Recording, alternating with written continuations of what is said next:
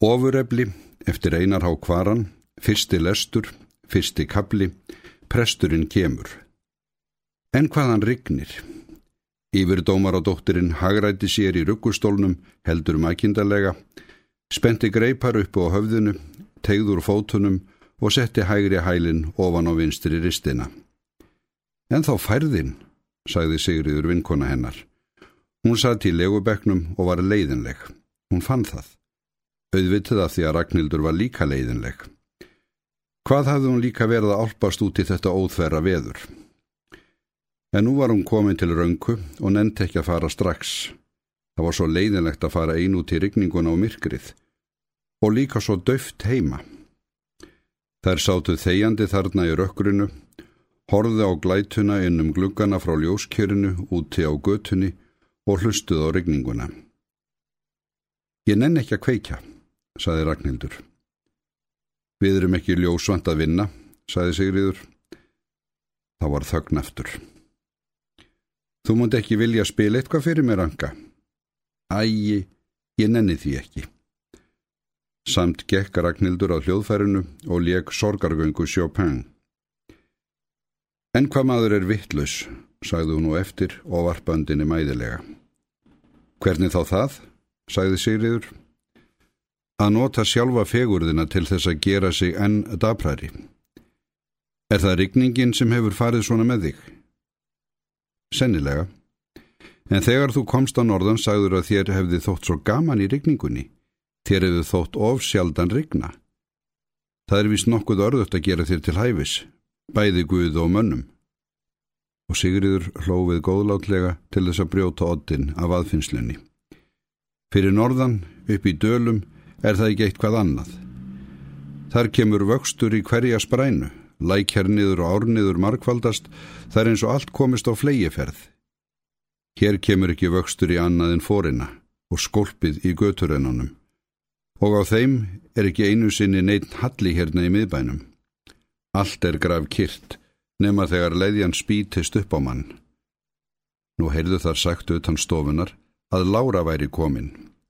Sigriður tókst á loft. Lára er komin. Þá er presturinn okkar tilvonandi líka komin. Er það ekki áraðinlegt að hann átt að koma með Láru? Í rómnum var áfergja, ákefðar löngun til tilbreytingar, lausnar undan drunganum sem á þeim lág. Sennilega, saði Ragnhildur fálega, eigum við ekki að fara og sjá þegar hann kemur á land. Ætli við fáum ekki nógu að snemma að sjá hann og heyra, hann verður líklegast ekki svo skemmtilegur fremur en aðrir prestarnir. Samt fór Ragnhildur að stitta sig og láta á sig sjál og fari skólífar. Þær fór út, stallsisturnar og stikluðu innan um podlan og leðjuna ofan að bryggju. Þangað var komin múur á markminni, sumir áttu von á kunningum sínum, aðrir vildu sjá pressefnið, en aðrir vildu fá að sjá alla. Rigningin buldi á reglífunum og innundir þær smög draugaleg læta frá ljóskerinu fyrir ofan bryggjuna og brá skringisvip á andlitin, þar sem hún kom stað. Og það kvennfólk sem ekki var með reglífar dró regnkápu hettur yfir höfuð sér og mannsmyndin á þeim varð álíka mikil eins og á vörðum. Aðrar letur rigna í sjölinn sín og bráðlega ringd úr sjölunum eins og úr loftinu. Mannfjöldin virtist í góðu skapi. Engum samt rengir á ímsu reki sem stóði í napp ofurlítið út af fyrir sig. Sömur stóðu brinjaðir, gulum vakskápum, Þeir þóttust færir í flestan sjó og lífið fannst þeim skjólgott og hlýtt þó að bleitan byllaði upp úr skógarmunum. Á öðrum, sem verjulöysir voru, var rigningin nösk að smegja sér úr hárunu innundi skirtukragana og þá var greiður vegur ofan eftir hrygnum. Strákarnir jöfnuðu þar úr henni með því að aka sér og þá fundi þeir ekki eins mikið til hennar og kerðu sig kollotta. Grímur litli skakkalöpp stóð þar eitsinsliðs utan við hópin en næri honum. Hann vissi það á nokkur í reynslu að varasamt gætt verið að koma ofnæri jafnöldum sínum. Hann var svo bilaður í mjöðminni að hann gætt ekki einu sinni staðið óhaldur. Hann hallaðist út í aðra hliðina, var álútur og tegði fram álkuna. Treyjan hans var uppgjafa flík af fullornu manni svo að hún var við vöxt á lítinn tólvara dreng og glampinn frá ljóskerinu var einna skærastur á honum og tegður mögru andlitinu. Einhver drengjana sagði að andliti myndi vera á að giska mílu vegar á lengt. Hann ítti þessu svo skringilega út úr öðru munvikjun á sér að það vakti fögnuð með stallbræðrum hans. Annar, sem ekki vildi verða minni, tók þá það fram að hann tegði líka hökuna svo langt að ekki væri nema mannsverk að stökku af henni yfir á kjalanis.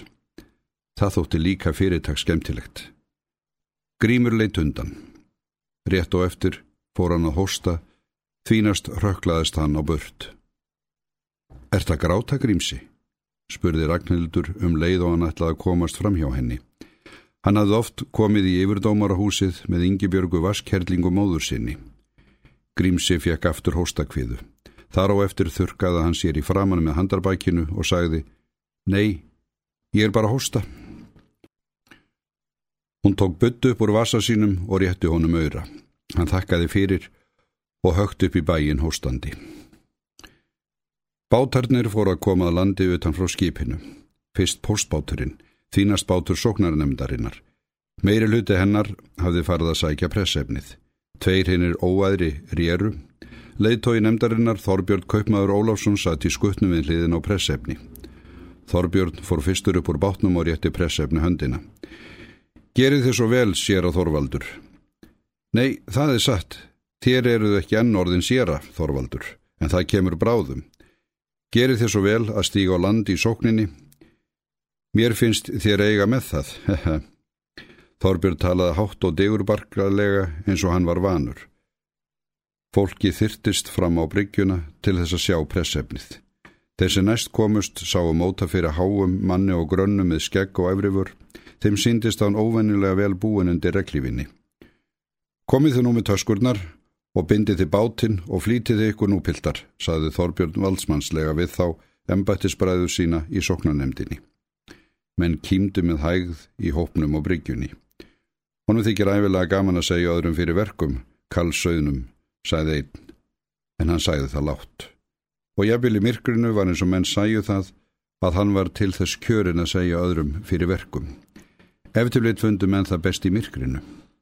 Þá sáu þeir ekki að hann var hjólfættur og valtur í göngulægi, en þeir myndi eftir þykku, úlfgráu hári, breyðu enni, háum, loðnum augnabrúnum, kvössum gráum augum, konganefi, spámanlegu skeggi langt niður á bringu, beljakabúk, stórum og sterklegum höndum sem hefðu jafnvel átt það til að taka nokkuð ómjúkt í handlegin á óþægum smælingum og hinum og öðrum skráveifum sem þeir höfðu orði fyrir sem risið höfðu öndverðir gegn vilja hans.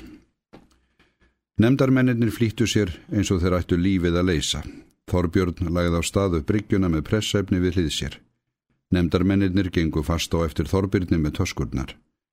Þeir voru báðir smáur vexti. Með Þorbjörni voru þeir líkastir torfraukum utan í fjalli. Á bryggjunni var ógreðfært í fólksþögunni. Ætlið þið ekki að lofa pressefninu ykkar að komast upp í bæin? Ætlið þið ekki að hleypa honum inn í sóknina sína? Mér finnst að þið ættið að víkjur vegi fyrir honum, hvað sem mér líður. Þorbjörn talaði svo hátt og svo fullum rómi að heyrðist langar leiðir og smá saman myndaði skangur á miðri bryggjunni og manngarðar begja megin. Pressefnið gekk mönnum íllað sjá. Eitt sá samt þetta og annar hitt. Eitt sá línanatt, annar velsnúið yfirskegg, þriðji steingráa hanska, margir háan beinvaksin mann. Sumir þóttust kenna þef af einhverju ilmatni þegar að fór fram hjá þeim. Ætlan sé ekki spjátrungur, sæði gömul kona þegar hann var komin í kvar frá henni. Best gæti ég trúa því, sæði önnur. Ekki síndist mér hann prestlegur, en ég sá ekkert vel nema reglífina. Nú fá ungu stúlkurnar eitthvað að hugsa, sæði einn í mannþrönginni. Hugsið ykkur, ungur domkirkjuprestur ókvæntur, nýkominn frá útlöndum, hefur farið um allan heim. Þess konar krás kemur ekki á hverjum degi. Já, hver ætli fái hann, sagði annar, og var skrækróma. Hann var miðaldra, uppgjafa embættismadur og talinn fróðastur um enga hegi mann af öllum karlmönnum í bænum. Hann snýri sér að hverjum eftir annan. Hver haldiði þér að fái hann? Sjálfsagt einhver embættismann á dótturinn. Þær get ekki allar fengið júrista. Hver ætli fái hann? Hver ætli fái hann? Hann spurði á svo mikill áfergi og alvöru sem ekki væri eingöngu þetta mál útkljáð ef hann fengi eitt hvert svar heldur og tilvera þessa nattar jafnframt. Ætla hans ég ekki trúlefaður, saði Ragnhildur. Hún stóði rétt hjá manninum. Jújú, náttúrulega, vitið þið hverri, vitið þið hverri, saði hinn markfróði maður. Nei, ég veit ekkert um það, saði Ragnhildur. Ætla hún sé ekki ensk? Jújú, náttúrulega. Hann hefur verið á Englandi síðast. Trúlefaður, já, trúlefaður enskri stúlku, já. Og hinn markfróði maður ruttist út úr þögunni og hljóp í einum spretti upp í bæin. Nú þarf Ólafur víða að koma í kvöld ef ég þekki hann rétt, sagði Sigriður. Já, það er jafn gott að, að aðri fái smjörþefin af honum en við heima, sagði Ragnhildur.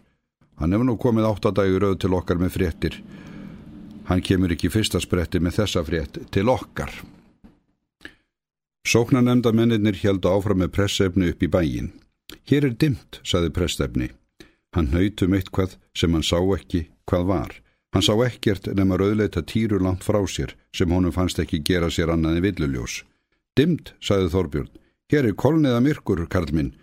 Við höfum ekki efna á rafljósum. Við verðum að forða fátaklingum frá útgjöldum.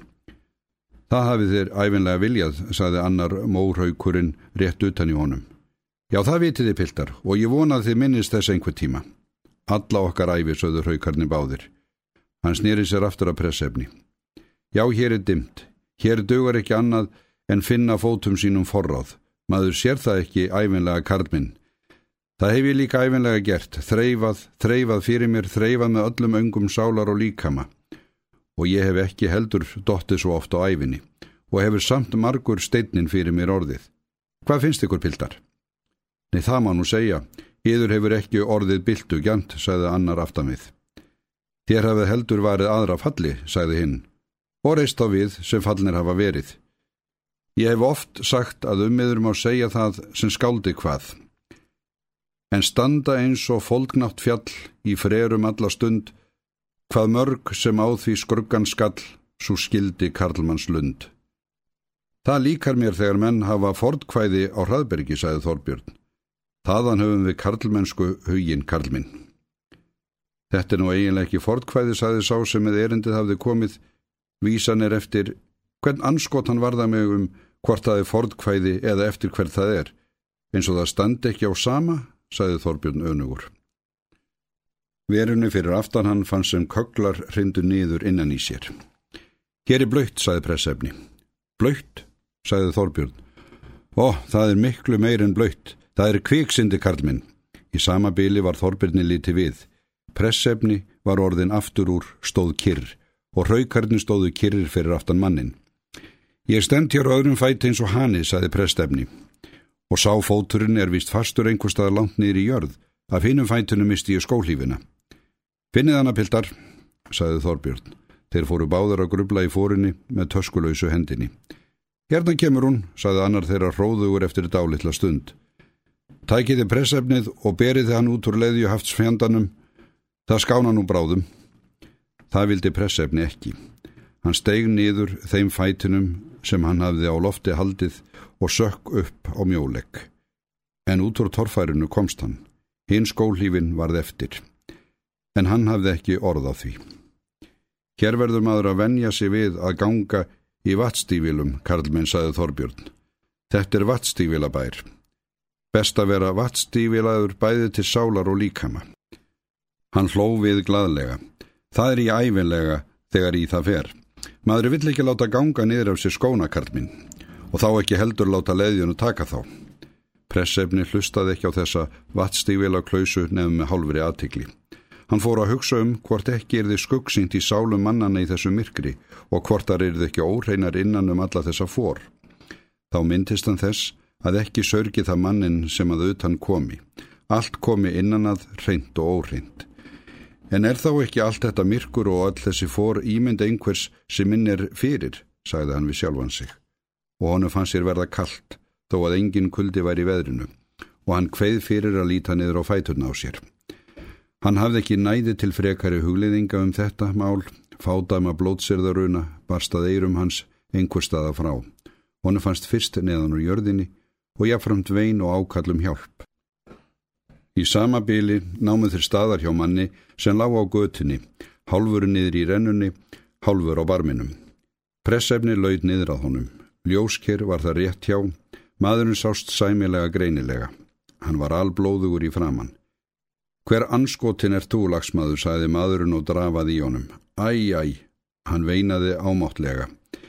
Ég stakst hér á hausin, ég held að það sé ekki heilt bein í mínum helvískum skrokk. Gott ef ég er ekki stein döður. Bara ég væri það. Þá skildi einhver staðar verða reynd. Æ mikið djöfull kennir mig til. Hver er þú, lagsmaður? Áttu nokkuð í staupinu? Æj, æj. Pressefni fór að reyna að tósa manninum upp úr rennunni. Nei, í öllum lifandi bænum látiður hann vera, sagði Þorbjörn. Þetta er bara hann Rólfur Karlin Hrip. Hann er kallaður Hrip af því að allt af má í hann hella. Ekki fyrir það að hann verði ekki fullur, hann er oftast fullur. Heldur vegna þess að æmilega má bæta við í hann brennivíni eins og hann væri Hrip, hvort sem hann er sofandi eða vakandi. Verið þér ekki að eiga við hann fyrir alla muni, hann geti bitiðuður, hann á alla óknitti til. Prólfur hafði veinað og blótað og víksl meðan Þorbjörnlega dælun að ganga. Eigum við ekki að reyna að koma honum hérna inn í húsið sem er rétt hjá okkur, saði pressefni. Hann getur hafa stór skadað sig. Inn í húsið að tarna? Inn í húsið sem hérna stendur? Nei, þetta helt ég að engum kæmi til hugar. Fara meðan Rolf hripin í þetta hús svona á sig komin. Já, það er satt, þér eru ókunnugur hér. Þetta er húsið mitt. Og helvískur, svo oft hef ég nú greitt atkvæði fyrir þig að ég ætti að eiga inni fyrir því, saði Rolfur, þó að ég hef fengið brennivín. Nú seinast við presskostninguna mann ég það. Gerið þið svo vel að koma nú inn, saði Þorbjörn, tók í handleikin og pressefni og ætlaði að leiða hann að dyrunum. Ég fer ekki hérðan fyrir einhvern megin hefur verið séð fyrir manninum. Hann snýri sér að hinu nefndarmannunum. Þeir eru kunnugir hér, þeir verða að hafa einhver ráð. Í samabili greittist úr flækjunni. Lauruglu þjón hafði runnið á veinið í rólfi og tók hann að sér.